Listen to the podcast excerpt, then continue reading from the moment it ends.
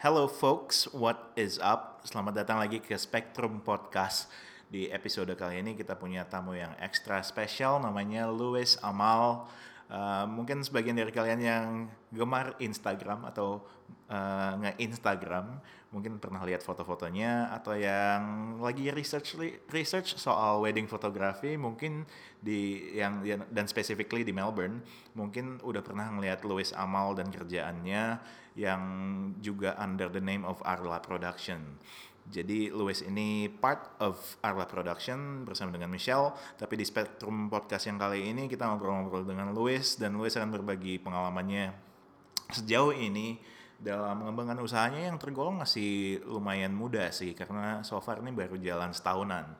Uh, but I think he's done so much and I'm really proud of the work that he's done. Dia juga udah pernah foto artis-artis Indo yang ke Melbourne seperti Anang dan Ashanti, Kathy Sharon, Tara Budiman, Chelsea Islan juga. Uh, jadi kerjaannya ini patut diacungi jempol karena artis-artisnya kita juga demen banget sama kerjaan-kerjaannya.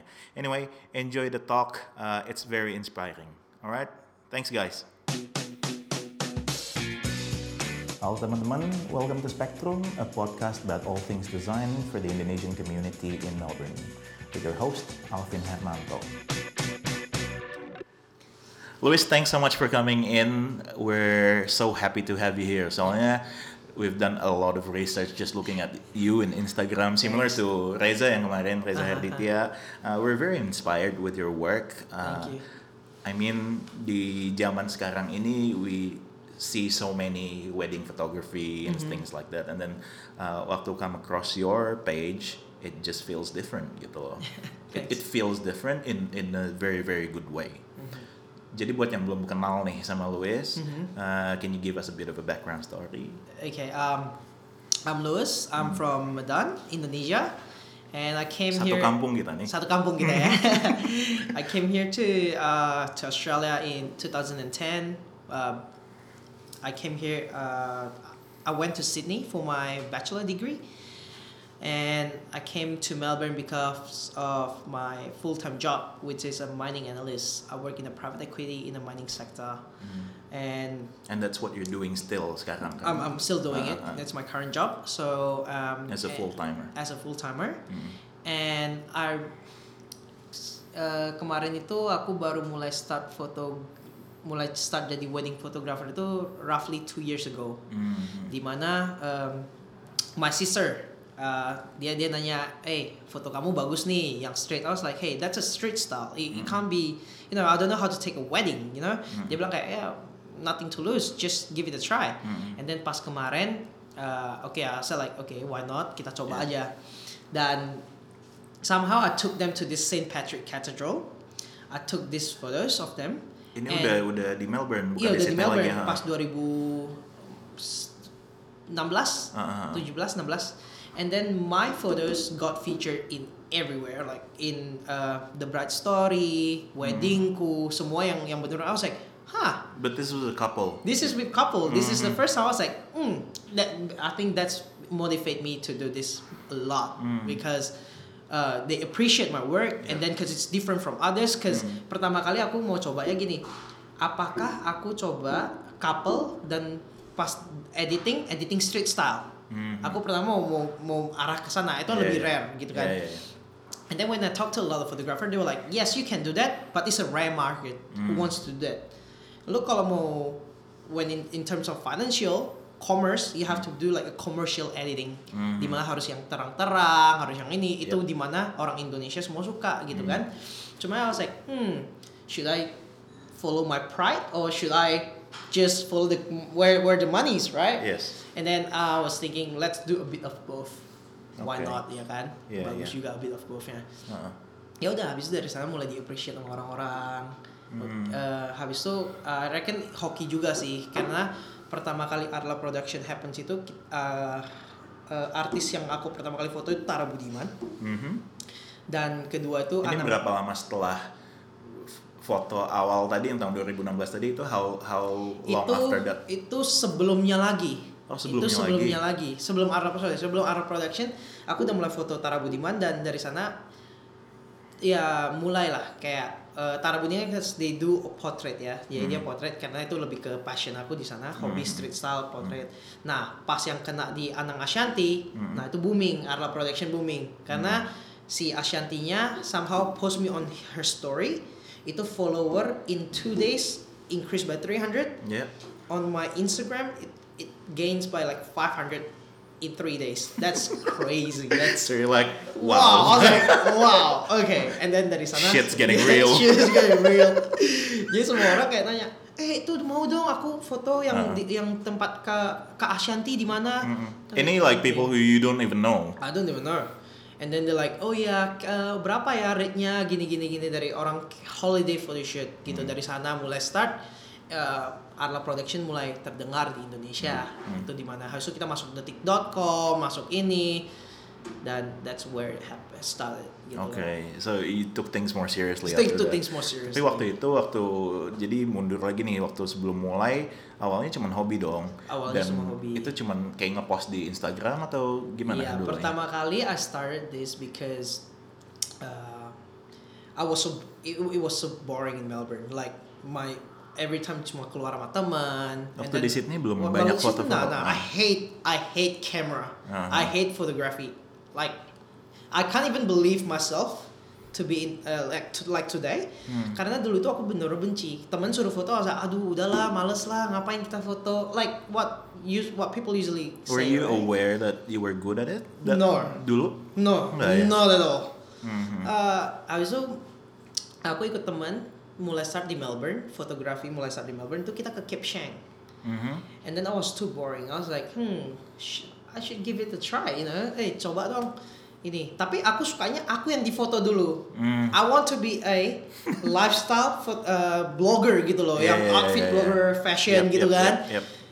Jadi pas kemarin itu pas eh, pas aku mulai jadi itu fotografernya itu jago foto. Karena makanya aku suka aku di foto karena Hmm. I know how to post maybe or something like that. Aku suka karena dia yang edit, aku tinggal post. Biar Hmm. boleh dong gitu Yeah, kan. yeah, Harus yeah. kan temen juga fotografernya. Ah. Habis itu pas dia udah for good, aku suruh teman-teman lain foto. Kayak I was like, no, it's not like that. Kurang, It has to gitu. be this accurate like this. Like, Hmm. tapi mereka itu tetap nggak bisa. Nggak Dia I was, ya? ya, I was thinking, kenapa mata aku aja yang bisa lihat kayak, oh ini bagus. Kenapa di Hmm. mata mereka itu dengan Beda. posisi yang sama, mereka masih lihatnya beda gitu lah. Apa apakah memang aku suka foto atau apa? Dan that's why I aku coba start, Hmm. mulai start foto-foto. Ini kalau misalnya kita ke Instagram yang paling bawah-bawah Iya. banget kan masih ada ya? Waduh ada, ada, ada, ada. Itu itu yang paling bawah di mana eh, ya udah mulai masuk fashion blogger yang Iya, suka iya, iya. foto jam tangan, baju, Iya. outfit, suit gitu kan, Ah. yang keren-keren harus Tapi pak- lebih lebih lifestyle and fashion. lifestyle, pegang Ah. rokok, ih keren-kerenan dulu kan. Ah. Itu ya dari sana merasa kayak hmm nggak bisa ini kayak it's not me. Even aku ke Capsheng kemarin gue ke Capsheng, I even bought a suitcase. Hmm. I have a three outfits to change. Sampai semua orang yang di sana kayak, why is this guy bring, brought a suitcase? Yeah. When I when I open my suitcase, people like, what the hell you were doing? It's all a suit. It's Mm. all like a shirt. It's all Mm. like, wah, oh my god, it's outfit. It's all outfits. Yep, yep, yep. So yeah, and then Tapi at that time eh emang pengen jadi blogger atau atau iseng, doang? sih, iseng. Oh, oke. And then somehow karena yang foto itu kemarin Tapi fotografer lu demen, foto. lu demen di foto dan demen like you like seeing yourself. Oh, it looks nice. It gitu looks kan. nice, exactly. Cuma ya, at one point pas fotografernya udah for good, Ah. nggak ada yang fotoin, I was like, hmm, Yep. kayak nggak bisa deh. Gue harus lanjut ini terus kayak tapi gak ada yang foto ya sama aja bohong kan. Iya, iya, iya. iya. Jadi aku kayak, oh cobalah beli kamera. Hmm. Beli kamera pertama kali juga yang bisa selfie. Hmm. Kamera yang bisa selfie, bisa apa. Tapi kayak lama kelamaan eh aku terinspirasi dengan Instagram yang namanya Art of Visuals. Art of visuals. Art of visuals. That's where I started all my street style, landscape, cityscape because the photos is really inspiring. Mm. Kayak bener inspiring. And then from that there's an Instagram called Moodygrams, a game of tones. Nah, dari sana mulai-mulai start. Hmm. Kayak oh kayak I don't want to become a blogger or fashion blogger anymore. I think this is this is me. I think ini lebih cocok aku karena aku Mm. suka traveling. I like to take a lot of photos. Yes. And yeah, I think this is Oke. Then Jadi misalnya balik ke situasi tadi yang sempet yang udah foto couple nih Hmm. awalnya Itu gratisan atau dulu zaman itu? sister. Because Oh, oh, it's your she's sister. my sister, Yeah, yeah, yeah. right? What There's do you nothing do? to Like, what do you do about it? That's Yeah. what, yeah. Because I was, because she asked for uh, my help, right? Tapi she liked your photos. She likes my photos. Tapi like dia ada backup plan juga. Dia ada fotografer lainnya Just in juga. case. Just in case, Just in case you screwed up. Karena pas dia udah um, udah book the photographer, dia bilang, bilang eh gua co- mau coba deh lu fotoin gua gini. Gua bilang ya gua straight style bla bla. Uh, gua bilang coba lah give it a go. We tried in Sydney. Mhm, That's where Arla that's where Arla invented. mhm. Jadi uh, kemarin pas di Sydney itu kita me and one of these uh, like my partner used to be my partner Mhm. kita fotoin cici kita Mhm. kita ke uh, kita buatin konsep uh, di mana mereka ketemuan my sister and Oh, her husband tapi this is this is a couple thing. This is a couple Cuman things. you packaged it as a story lah Eh, gitu iya, ya. karena kita harus ada konsep kan di untuk couple-couple semua kita harus ada uh, konsep. And then we we uh, we went to UNSW, Luna Park, Opera House, like a common spot. And then when we had a dinner, one of my partner, uh, one of uh, partners says uh, said to me that, hey, how about we make this uh, photography business? Mhm. I was like, hmm, that's a good idea. And then somehow I feel like he was just saying, you know, he was just saying for fun or something like that. And then I, I don't really bother it. I don't really think about it. And then the next day, he was like, hey Louis, um, aku udah buat websitenya ya. Aku udah buat nama, aku udah This buat nama. This is my partner, right? Aku udah buat namanya. Aku udah buat uh, apa semua uh, pokoknya website udah ada, Instagram udah ada, ini semua ada. Loh, gue pikir dia main-main. Hmm. Rupanya dia serius. Hmm. Oke. Wah, oke oke bro. Oke. Namanya mau apa ya? Hmm. Dia bilang apa nama inisial kita? Mhm. Pertama dia pikir dia bilang how uh, I was thinking how about Arla. Mhm. Dia bilang oh boleh sih Arla karena R A R itu stand for Alpha Rain, Mhm. L A Luis Amal. Mhm. Dia bilang apa lu mau dibalik? Laar. Jangan deh Oh, bro. Alpha Rain nama dia? Iya, Ah. AR itu Arla itu Ah. nama dia. And then uh, one lead to another, I was like, ah Arla sounds good. Hmm. It sounds catchy. Like okay, Hmm. just just with Arla. Habis itu dia bilang Arla apa? Productionnya ya karena kita bisa at the end of the day kita bisa expand ke misalnya kita mau studio, mau videografi, jangan Arla fotografi gitu kan. Iya, iya, It's, it's stick with photos. Tapi ini kita per, uh, per- uh, ex- bisa expand jadi we we go with productions. Mhm. At this time were you a student atau udah graduate nih? I was uh, a graduate. Dan dia juga udah dia dia udah dia udah dia seumur dia tahun 80-an juga sih. tapi dia udah nggak udah kuliah dong dia udah itu. kerja di ha. bank, Ha. bank as well. And then But you both come from this like business marketing we got, we came from finance a business background. finance ha. background. Both, both of us. Hmm. And then somehow at one point um, gimana ya, kayak at one point kita aku merasa itu visi dan mission kita beda. Mhm. dia itu punya pride sendiri dan aku punya pride sendiri contohnya Hmm. kita contohnya oke kita mau foto satu couple dia punya cara editan sendiri Taste-nya lah. taste-nya ah. aku punya cara editan sendiri Mhm.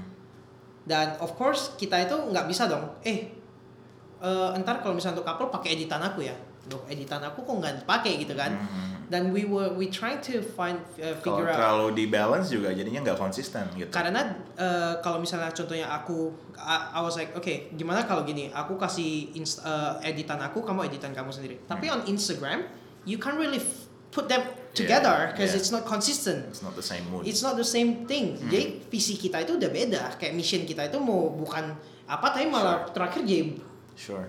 beda gitu. And then Ah, terakhir uh, anyway he's in he he based in Sydney. I Hmm. based in Melbourne. Mhm. I was thinking how about this? Kamu atur semua Sydney aku Melbourne Mhm. Nah, Arla it's Arla cuma ya kayak yang Melbourne editannya kayak gini yang Syd- Sydney editannya kayak Sure, kamu sure. it's up to you jadi klien kok mau pilih oke mau aku mau editan si Alpha oke go with Alpha aku mau editan si Louis ya go with Louis gitu Mhm. and then uh, somehow at one point Michelle came in Mhm. di bulan Agustus 2017 Mhm. Michelle ini one of you- eh, Michelle ini your partner di Arla di sini kan ya? Iya, Ah. dia itu pertama started as a videographer, but now I realized that she worked hard enough and she she sacrificed a lot to become a part of Arla. Mhm. I was like, ya udah, why don't I invite her as a partner as well? Because sh- I, like she needs me I need her Sure. so we we we have each other back gitu kan Mhm. nah yang di Sydney itu si Alfanya itu dia itu sibuk dia itu punya mission yang beda karena she he has a family Sure. he need to feed his family Sure. right photography is just a hobby stuff. You can't really make money unless you you really into it. Jadi dia itu lebih uh, I can't understand from his perspective karena dia itu lebih ke property karena duit dapat lebih banyak dari sana. Okay, uh. she has to feed his family. Hmm. he's creating a, a, a family. And then aku nggak bisa maksa kayak hey what, lu harus expand. Lu harus punya videographer. Lu harus ini. Ya, he has no time for that. Iya, iya. um, Intinya dia punya prioritas dia yang punya lain. prioritas yang Sure. lain. Again berarti di satu bisnis itu aku merasa kalau partner kamu tidak punya prioritas yang sama Hmm. it's just hard Mhm. itu susah banget jadi pas Michelle masuk kita punya prioritas yang sama Oke. editan kita itu satu arah dan I was like yeah why not. Habis itu Michelle itu mantan Axio dia Okay. pernah intern di Axio for like a couple months Sure. and he she knows a lot of uh, Axio system Hmm. and somehow she applies some of some of it into my Atlas Sure. Like business and business commercial. stuff Hmm. because at, at first I'm not a wedding photographer Mhm. I'm not a uh, I don't know about couple photo shoot Sure. when she came in she she told me a lot about it Mm. she teach me a lot like oh we need a pre-productions we need and how to make an album to make like a couple album I was Mm. like hmm okay I didn't even think of that Sure. and then uh, and then she was like oh and by the way I'm a pho- I'm a videographer Hmm. I was like okay That works. Yeah, that works. That works because one lead to another, you just feel like okay, she's she's the one. She can help you out with a lot gitu Hmm, loh. Kayak I was like, yeah, welcome aboard. Yeah. Padahal pertama kali dia approach aku itu, uh, hi, I'm Michelle. This is my portfolio. I was like, mm, ya udahlah, cobalah ketemuan Hmm. lah gitu kan, Yeah. ketemuan. Habis ketemuan ngobrol, uh, how did she find you? uh, via Instagram. Instagram, so she, huh? she she she likes my photos. Yeah. She like my street style photos. Sure. And then So she's been following you. She's been Uh-uh. following me, and then um, she t- she D- uh, direct message me says like, hey, she's a videographer, blah blah blah, and she wants to meet you, uh, meet me, and then try to join Adla. And then at that point, I don't have a videographer. Mhm. I thought like a videographer um, might works on wedding and couple gitu kan. Itu di- kita ketemuan di Korea restoran gitulah. Uh-uh. Ketemu di Korea restoran, we talk and then she she joined. Sure. Oke. Jadi um, sekarang ini kalau ngomongin Arla Production tuh Louis dan Michelle. Lebih Berdua ke kan? Luis ke Michelle, yes. Uh-uh. Si Alfanya tadi. Si Alfanya dia punya prioritas yang lain. Cuman kalau dia masih mau foto di Sydney ya silahkan what, gitu what ya. can we say? He she, he he was the co-founder, Iya, right? iya, iya, iya. Yeah. Um, jadi kalau Arla Production dan Louis yang sekarang ini Hmm. uh, itu berapa tahun setelah mulai sekitar dua ya kali ya Uh, baru masuk setahun. setahun April lalu baru setahun. Jadi udah satu tahun itu bulan. maksudnya mulai serius as a mulai commercial serius as a business. commercial is Uh, like one year. Dan so far ini uh, kesibukannya kayak gimana nih Louis? As in kayak you're working as a full time mining analyst Yes.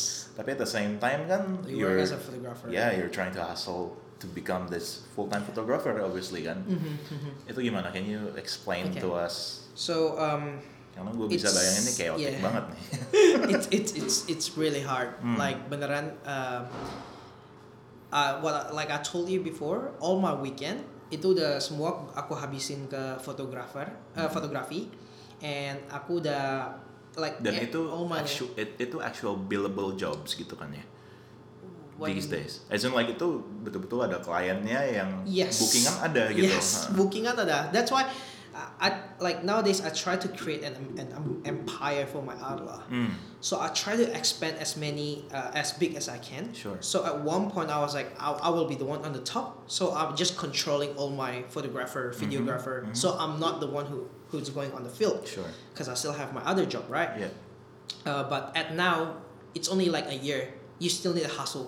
Mhm. right? Everyone like a year, two years time, three years time, you still need to be in charge of fully in charge of the business that you just got in. Mhm.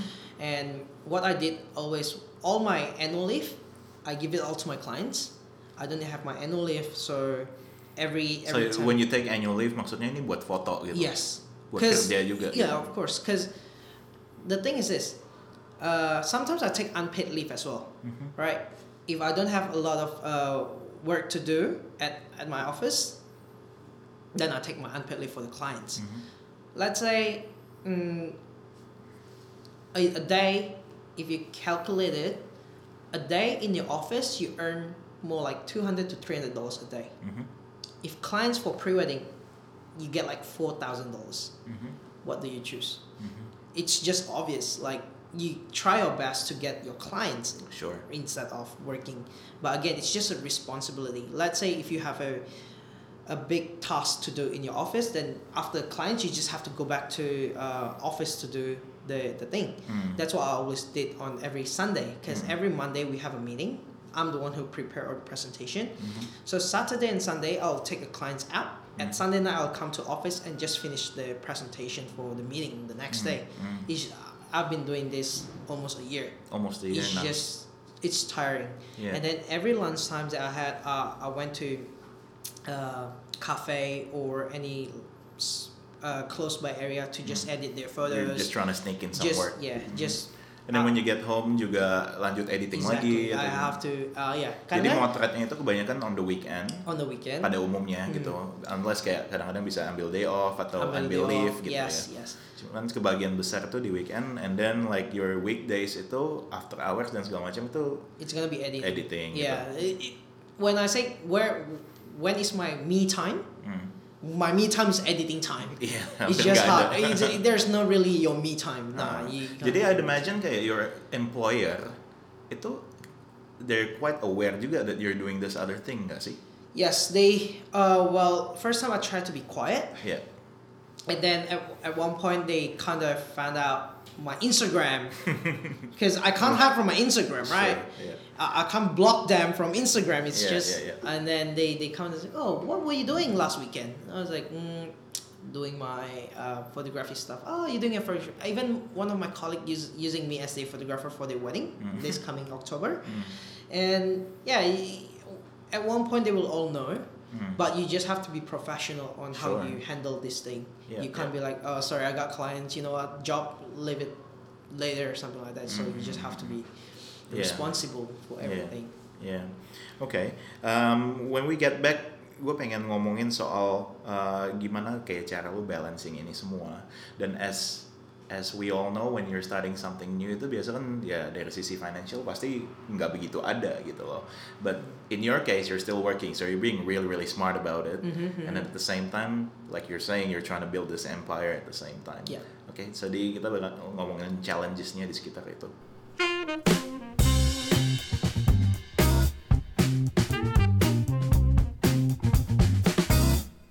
Lu tadi kan eh, ceritanya you're still working nih sekarang. nih. Uh, but at the same time you're trying to hustle and work really really hard Hmm. for you to be full time in this thing that you're doing. Is that is that right? Am Yeah, I assuming the right thing? Which means one day when it's enough, tentunya secara practical dari sisi financial dong. Yeah. When it's enough secara financial, um, then you feel kayak okay, it's safe for me to leave my full time job and really focus on my own business. Is Yes. that the plan? That that will be my priority actually. Like, um, to be honest with you, like my family, my dad really wants me to go back to to Medan to Yeah, Indonesia yeah. to take over his business. Yeah. So your family has their own business too, The- yeah, he has his own business. which is not um, photography or Nah, anything no like way. that. My dad hates me. At first, my dad really hates me for doing this For doing photography this stuff. yep. He was like, "You, you, you were from marketing background. Like, how can you go to this thing? Got it. Like what you say. Like old people wants a guaranteed from their son, right? Sure. They were like, "Hey, I want you to make at least a year, two hundred million rupee or something like that." Mhm. And but one lead to another, it, it's just like you can't you, you can't really force yourself, you know. Mhm. Mining is not my stuff. I feel like it's not really my stuff, but And you don't really enjoy it, I'd imagine. um, I mean, like there are probably parts that you enjoy, and it teaches you a lot of things and stuff like that. But you don't see yourself doing that for like. like for a long time because Mm. I'm I'm a talk. I like to talk. I like to talk to clients. I like to be in involved with the clients because Mhm. if you sit back on the uh, computer, you just feel bored. Right? You're just crunching numbers, Yep. and uh, I hate numbers. yeah, yeah, yeah, you don't have the art. You don't see the art of, of it, right? Yeah. If you do a photograph, uh, like photography, you kind of see the chemistry between the couple. You kind of have a candid of a street style. You Mhm. kind of have when you edit it, you you you have your creativity. You came. It, Yep. it came out, you know, by itself. It just feels good, you know. Mm, mm. But numbers is just numbers. Yeah, true. Jadi in your in this journey that you're in at the moment, how mulai dari mulai sampai sekarang nih, let's Hmm. just think one to two years di belakangan. Hal apa yang paling challenging? If you can think about one thing, what's the most challenging thing for you at the moment? Uh, of course, the first was my full-time job and my part-time job. How you balance them? Mm, That's so the- time. Is it time? It's time. Mm. Time managing is hard. Sometimes you just like, I just want to play as well.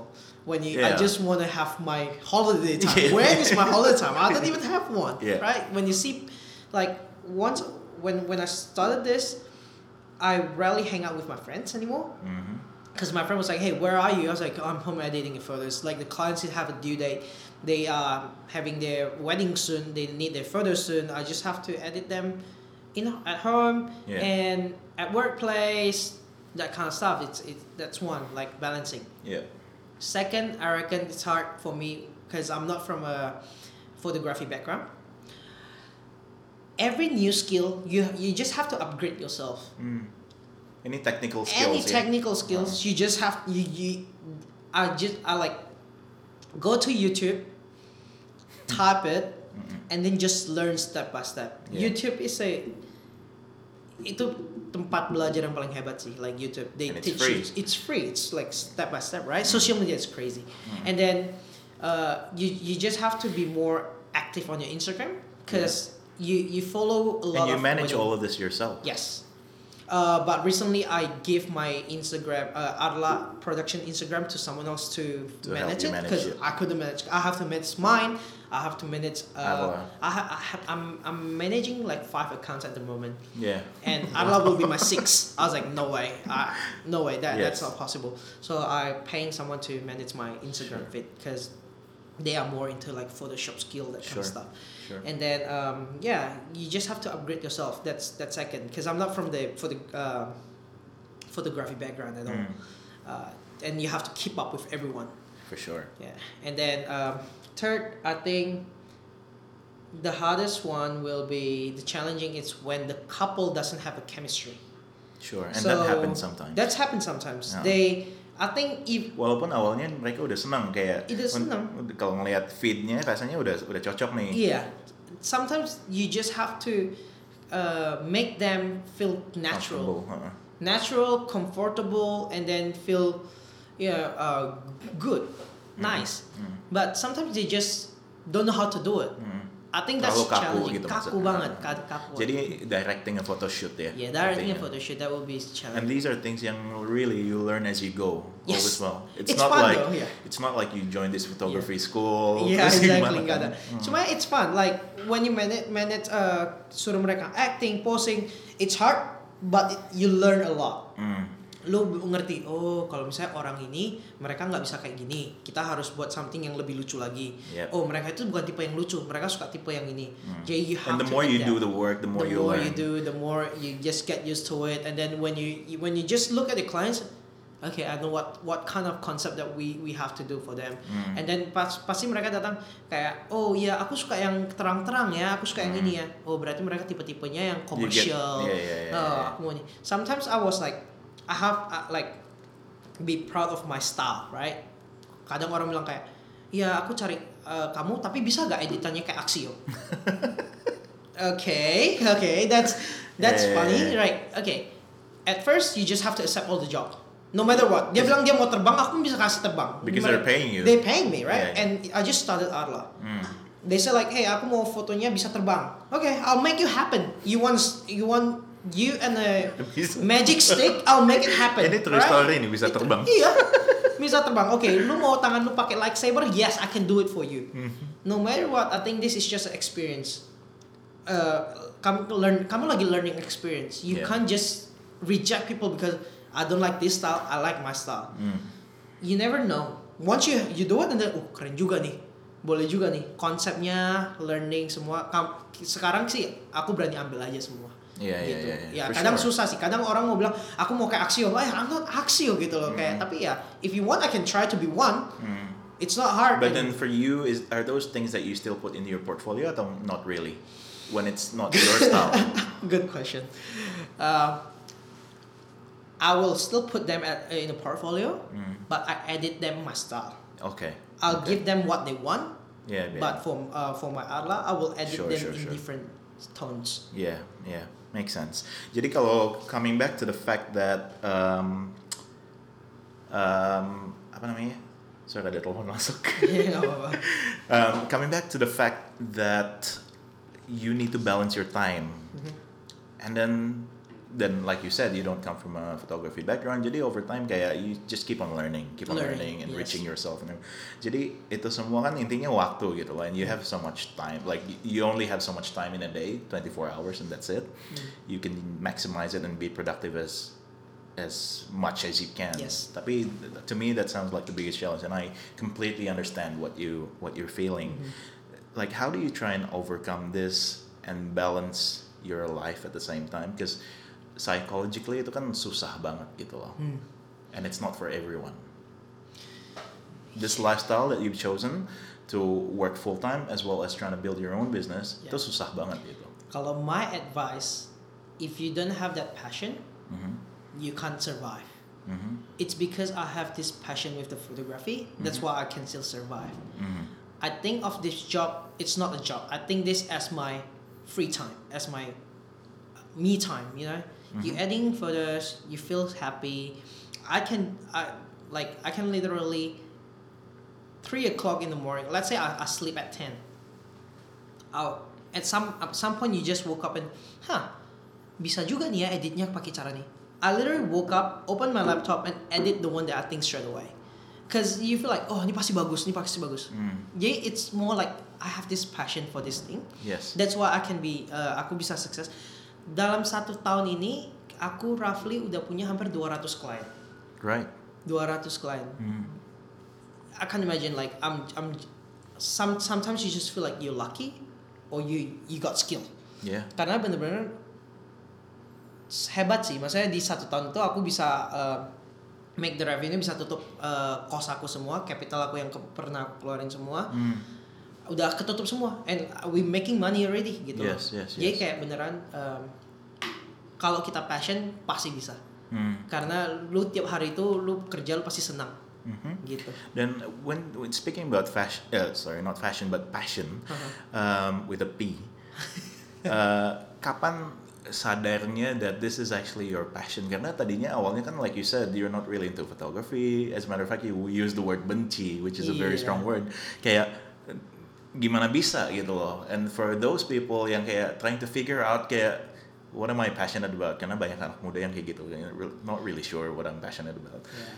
Yeah, Kayak true. dari mana bisa tiba-tiba tahu kalau photography is my passion gitu? Uh, itu something yang I, I don't know how to say Mhm. say say Yep. this as well. Yep. Cause passion itu nggak bisa kita cari sebenarnya. Yeah. It's just like time, Mhm. waktu ke waktu. Mhm. Dari aku bilang aku start as a fashion blogger. Mm. and then kamu coba put you put the camera into your eyes you just feel like hmm this looks really cool Mhm. and that's it and then uh, tiap kali pagi orang ngajak foto you will never miss that right you like oke bangun jam berapapun kita bangun Hmm. nah kalau ada yang orang ngajak kamu misalnya contohnya yuk kita jam 4 pagi kejar sunrise Mm. and you willing to do that Mhm. That's when you know that you are passionate about that right? You, kamu Yes. itu punya kemauannya bener-bener kayak you will sacrifice all. Misalnya contohnya pacar ajak kamu ke dinner tapi Hmm. besoknya ada klien atau ada ada photoshoot you like aku harus bangun pagi.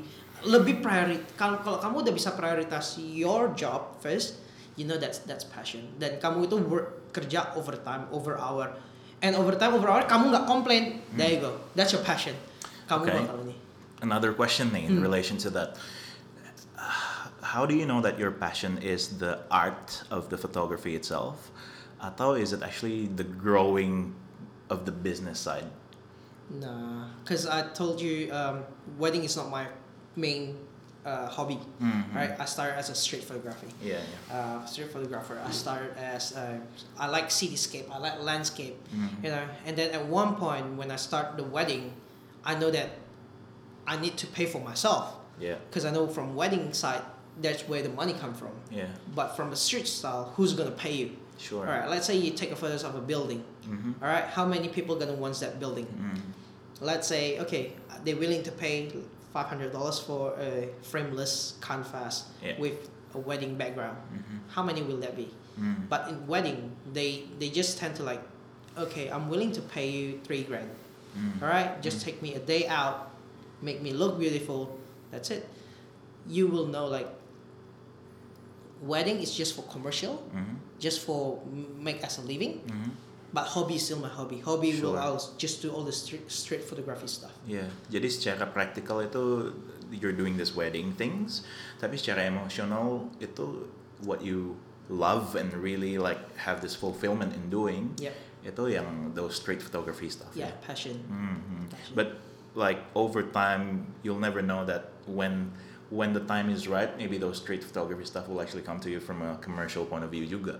Bisa, jadi. juga. Cuman nggak nggak mikirin gitu nggak nggak mikirin karena I, I don't really expect my street itu lebih untuk kasih dunia lihat. Okay, I can share it on Instagram, but Hmm. even though no one likes it, I like it. Hmm. Itu yang mungkin yang kayak uh, something yang aku senang tanpa dibayar. Yes. Yeah. Gak ada yang bayar aku itu as long as I can I feel happy. Misalnya mungkin if aku uh, there's a, a wish list that I really want to go, which is Iceland, New York, Hong Kong, Japan. And these are places you've never been. Never been. so far, kan? This is where the street style alive, Mm. like street photography gonna be Mhm. insanely cool of there. Yeah. So yeah, if let's say no one's paying me, but I can still do my hobby stuff, I will live in these four cities. Mm. Melbourne as well. Mm. Melbourne is a good place. Ya, ya. Um, ada rencana seru apa nih, Louis? Kayak in the, di waktu dekat yang berhubungan dengan the things that you're gonna do atau Arla? Um, is there anything yang coming atau just pretty much working Okay. through it? So um, right now it's just pretty much working through it, Mm. but in the future, cause I cause I won't be staying here forever in Melbourne, Mm, I will try to expand it expand it back in Indonesia. Sure. Uh, so uh, my my plan was I will be the one who handle all the business. Yes. Michelle gonna uh, handle all the one uh, the thing on the field, Mhm. and I will create an editor team, a team. Um, just like I said, creating an empire. Yeah. So pretty much growing growing it as a business. growing as a business. Correct. Let's let's um, and I believe you will be successful. Thank you so much. let's let's think of the future when Yeah. you're just like filthy rich. Amen. So, so from this business that you're doing, um, would you still be this person who is, you know, still loving photography and you'd be traveling and taking street photography and things like that? Do you, do you picture yourself doing that? Yes, Yeah. yes, that, of course. Um, if let's say I'm not doing the, I, I will be on the business side, right? I'm not Mhm. on the field anymore. Let's say Michelle couldn't make it or anyone couldn't make it. People are like, hey, Louis, can you do it? I was like, yeah, yeah. You will still of do course, it. Of yeah. course, I'll still do it. Like it's it's fun. At Mhm. one point, business business side will be just like you know doing the tax stuff, finance, accounting, blah blah blah. Yeah, you you at one point if you want to grow this as business, you have to really focus on this, right? Mhm. But let's say if someone wants me to become the photographer, I love to do it. Mm. Of course, that that's my passion. You know, Mm. and y- y- nowadays, who doesn't like traveling? Yeah, that's true. You travel, you travel, you take a photos. You just like Experience, you just experience got- things? Yeah, Yeah. It's just like a package of food, perfect package for me. Mm. Like why not? All right. That's good.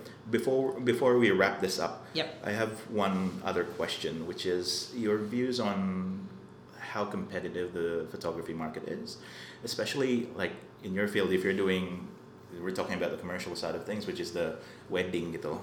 Mhm. kayak banyak banget gitu, banyak banget. Nggak usah di Indo atau di Sydney atau di mana. If I was just to look at Melbourne itu banyak banget gitu loh. How do you survive and other like is it just the photography style? What makes you different? Okay. Um, What do you think? contohnya ya I know that there's a lot of my competitor out there. Um, even when I look at it, I was like, why they took this kind of photos? But when I ask them, they are fully booked. Okay. Can you imagine like we? It's just like a billion billions of people are getting married, Yeah. right? Yeah. And at one point they they just maybe didn't find us or they just like the that style. Our pref- you can't really tell people preference Mhm. my style, my Arla production style is a more into a niche market. I'm not really so? into commercial. Right. Yes, um, that's why what I say was like, kalau memang orangnya perlu something yang bright, something apa, aku bakal kasih mereka. Mhm. Tapi at one point, I will edit my own style Mhm. for my Arla productions. Aku mau, aku uh, at one point aku mau coba uh, educate clients. Hey, let's not go into that side anymore. Mm. It's new trend. Mm. Follow our trend. Yeah. You know, if you don't like it, you tell me, and I did. I I will edit it again for you guys if you guys want uh, your style, right? Sure. But I, uh, like nowadays, I try to educate them, and Yeah. gitu aja sih. Yeah, but I mean like looking at the works that you've done for yang uh, celebrity gitu misalnya Hmm. atau things yang it's a bit more lifestyle and fashion Mhm. Dengan sendirinya orang-orang yang maybe a bit more up to date dengan trends and style itu uh, bisa ngikutin influence yang modelnya seperti itu gitu kali ya dengan sendirinya Bisa. without you having to kayak sell it too much lagi gitu. Iya, because but- your work just speaks for it Iya, um, jadi ada nih klien, s- ya again ada beberapa klien kayak, eh kok aku mau foto yang kayak yang foto si Chelsea Islan ya, Mhm. eh gimana? Bisa sih, bisa bisa aja. Tapi again it comes for your characteristic. Apa Yeah. kamu itu se eh sefannya Chelsea Islan, like pose-posenya itu dia bener natural. Hmm. Are you that kind of person? Jadinya belum tentu begitu, Iya, gitu. jangan jangan like I want to become like this guy, but your personality is not this guy. Then it's gonna be you're gonna ruin your photos. Yeah. So it's I, I was like, tell me, uh, jadi setiap kali kita buat konsep tuh kita kasih mereka pertanyaan. Hmm. Dia sama pacarnya. Because you're really trying to get to know these Iya, of people. course. Huh. Kita pertanyaan kayak kamu sama pacar kamu pernah kenalan di mana? Hmm. Eh, gimana pertama kali ketemu? What's the hobby, favorite? Nah, pas mereka udah jawab, you can tell. Kalau misalnya cowoknya cuma jawab satu kata, yes, Hmm. iya, hobi saya makan, ini makan. Nah, berarti you can tell like dari sana lu bisa tahu so, Iya. ceweknya ini yang mau foto, Iya. cowoknya itu enggak. Sebenarnya nggak pengen. Sebenarnya gitu. nggak pengen. Uh-huh. Ceweknya itu yang jawabnya sampai tulisannya esai panjang banget. Iya gue pertama kali ketemu dia di sini. Iya kita kita pacaran gini gini gini. You nah dari sana kamu bisa tahu. Berarti cowoknya itu nggak bisa yang ter konsep terlalu susah. Hmm. lu bisa harus yang simple. Simple but fun.